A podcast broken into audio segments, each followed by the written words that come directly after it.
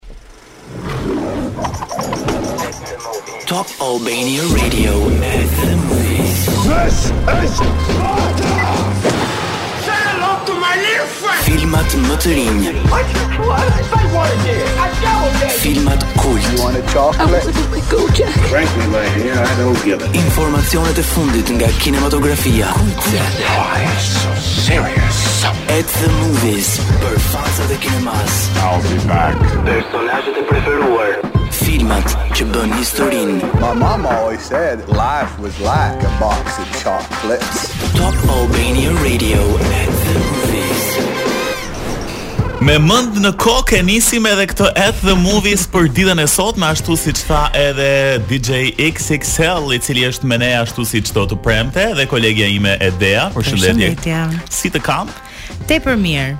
Tepër mirë. Në mëngjes jo dhe shumë, po me ikjen e shiut u buzëqesha dhe u ndriçova dhe unë. më në fund, më në fund një rreze dielli ka depërtuar edhe në studion tonë në fakt se kishim ditë që kishim uh, një zymtësi që na kishte kapluar nga gjithë ky shi, um, edhe një kohë e vrejtur që në fakt nuk na bënte asgjë tjetër përveçse një dëshirë shumë të madhe për uh, për gjumë, por sot jemi shumë energjikë. Paçka se kjo e premtja nisi paksa e zymtë, mendoj se ky mot i ftohtë është koha më e mirë për t'u mbledhur me njerëzit e dashur rreth televizorit, me kokoshka, mm -hmm. me çokollatë të nxehtë për të parë filma nga ato që të gozhdojnë në kolltuk.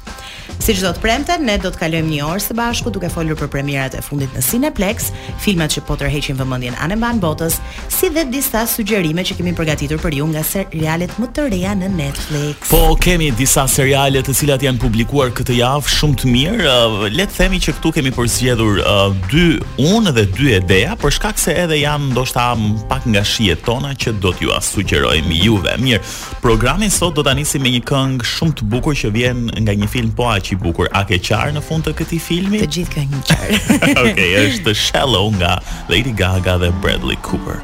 Rikthehemi në program, po flasim sot për shumë gjëra, përveçse për filmat në fakt, kur nuk jemi në mikrofon, sot kemi një larmishmëri temash që po diskutojmë.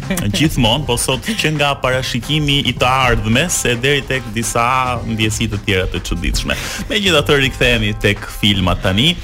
Cineplex ka nisur këtë vit fuqishëm, duhet thënë, me shumë premiera, edhe me filma shumë të mirë, Policë për kokë ka bërë namin, e ke parë ç'bëhet në rrjetet sociale me shitjen e biletave, një çmenduri e vërtetë, një film shumë i suksesshëm, por nëse mund ta them në këtë mënyrë, pra review-t, po nisemi nga review-t e miqve tanë të rrjeteve sociale, filmi është shumë i realizuar dhe shumë i këndshëm, shumë i këndshëm për t'u parë. Ndërkohë, këtë javë kanë mbërritur um, tre premiera në Cineplex, që gjithashtu kam përshtypjen që do mbushin sërish kinematë, atë në TEG edhe në QTU, uh, sepse janë tre filma shumë shumë të mirë. Do ta nisim me The Fabelmans, trailerin e të cilit e ndjekim tani. Steven Spielberg. Movies are dreams.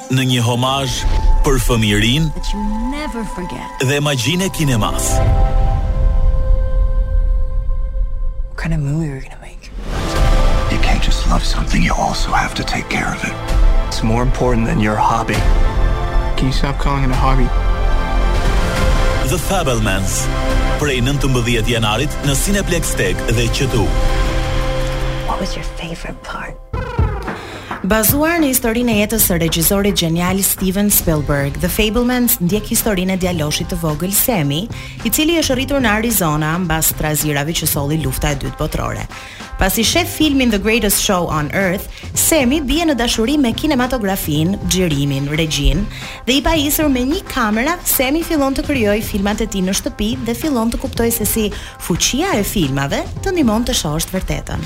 Ka një cast uh, madhështor uh, duke bashkuar aktorë si Michelle Williams, Paul Dano, Gabriel Labelle, Seth Rogen, uh, Julia Butters, por um, gjithashtu një element shumë i bukur i këtij filmi është fakti se regjisori është vetë Steven Spielberg dhe në fund të ditës kush mund ta tregojë historinë e tij më mirë se sa vetë personi, duke ditur gjithashtu se është një nga regjisorët më të mirë të të gjitha kohërave që ka sjellë perla si Saving Private Ryan, Jaws, Jurassic Park dhe um, një film që flet për jetën e tij absolutisht duhet të jetë treguar akoma më me detaje, nëse mund ta them kështu. Ka shkrirë talentin themi ne shqiptarët. Absolutisht, sepse um, mendoj që një ndër gjërat më të shtrejta që ai mund të ketë është pasioni i tij për kinematografinë dhe duke menduar që do ta përcjellë aq mirë tek shikuesi, kam përshtypjen që ky film uh, do të jetë i kuruar në të gjitha detajet e tij.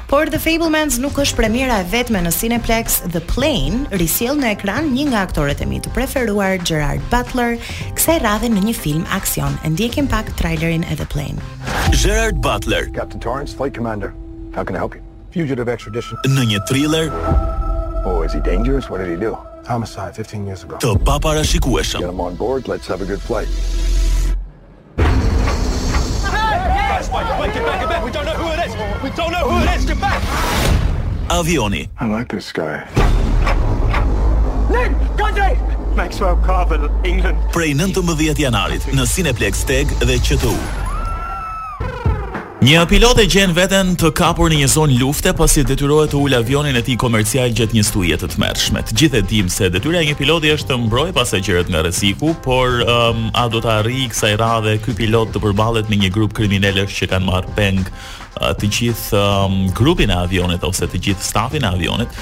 Këtë duhet ta shikojmë në film, shumë premtues, shumë aksion dhe shumë i bukur.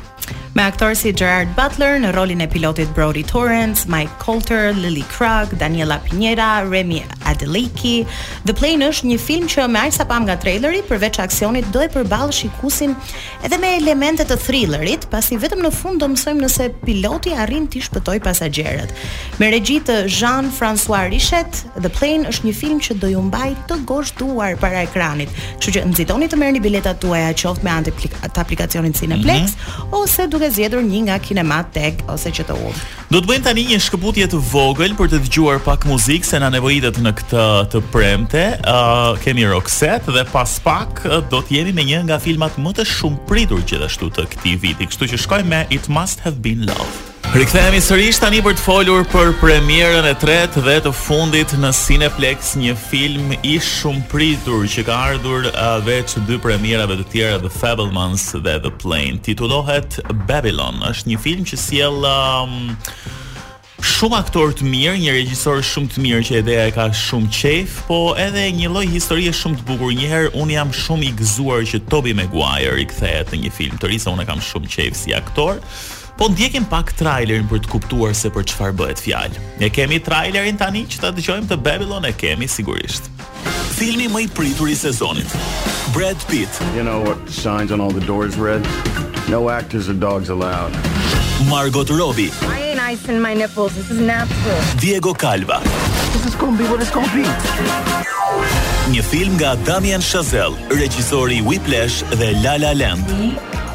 are gonna be more than they ever bargained for. And I'm going to bed. Babylon, prej 19 janarit në Cineplexx TEG dhe QTU.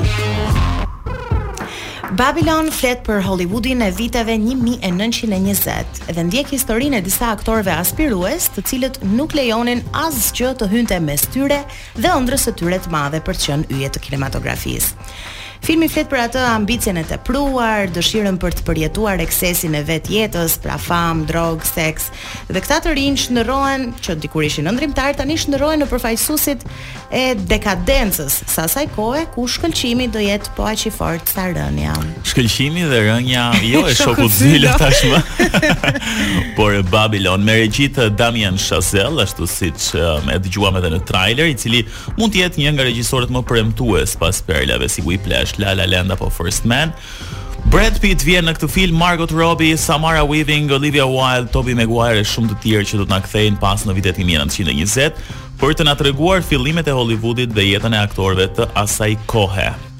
dhe um, Brad Pitt i qan shumë këto filma në fakt dhe i përshtatet shumë edhe si karakter një dyshe bashkë me Tobey Maguire por edhe Olivia Wilde mendoj që do të jetë një super sukses jemi tani tek kënga e radhës apo jo uh, Kemi publicitet. E po mirë, më pas.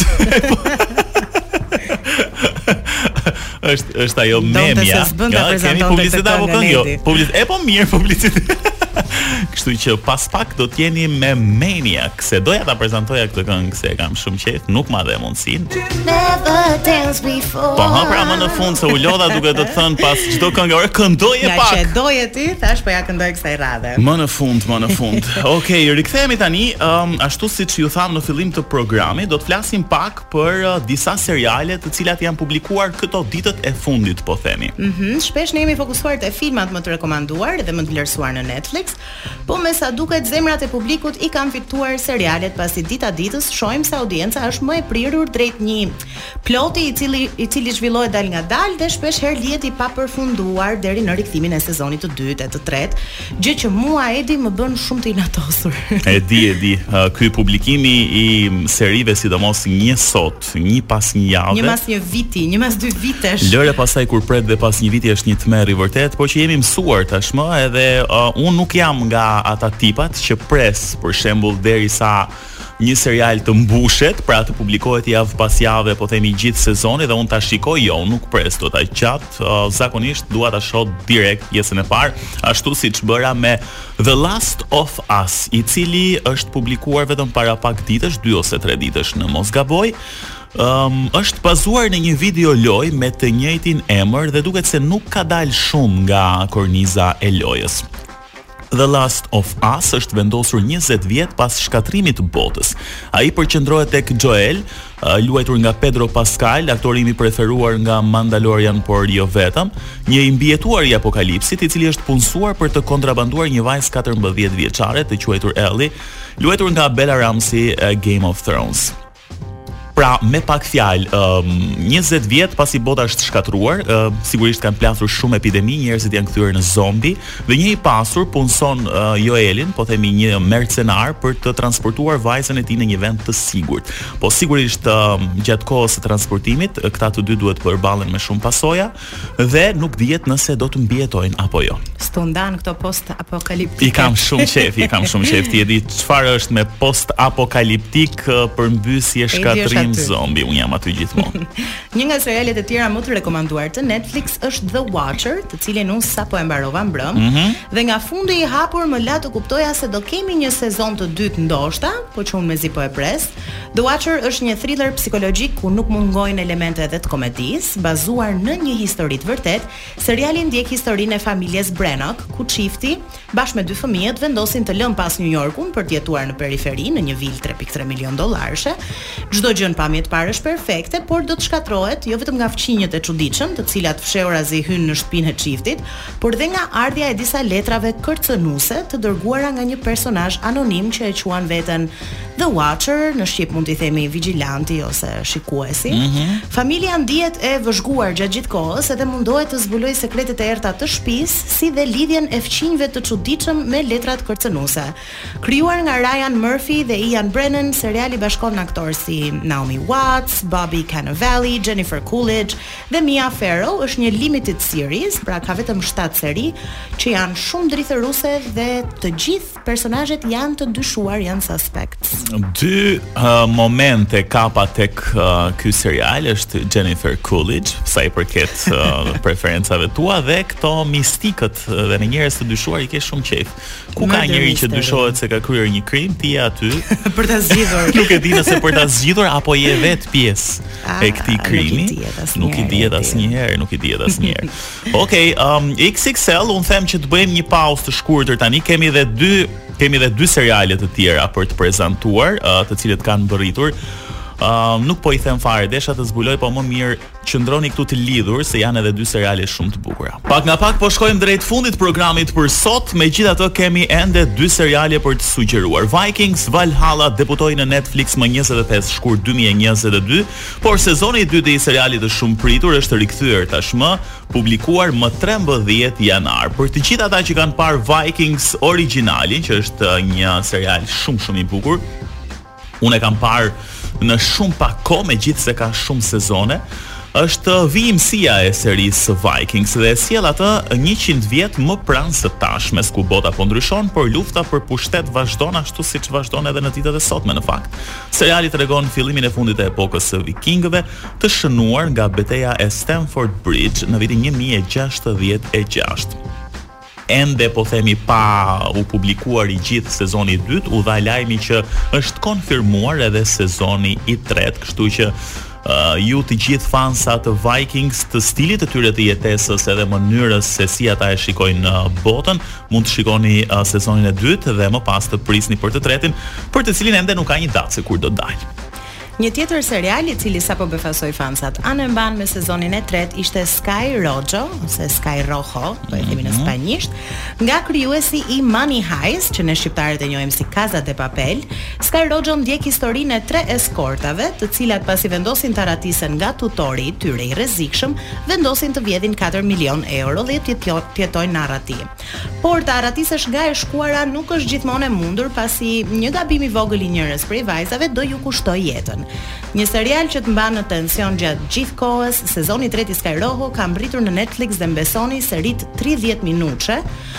Do ju duken si sekonda kur të shikoni jetën e shpejtë të bukurosheve Koral, Wendy dhe Gina.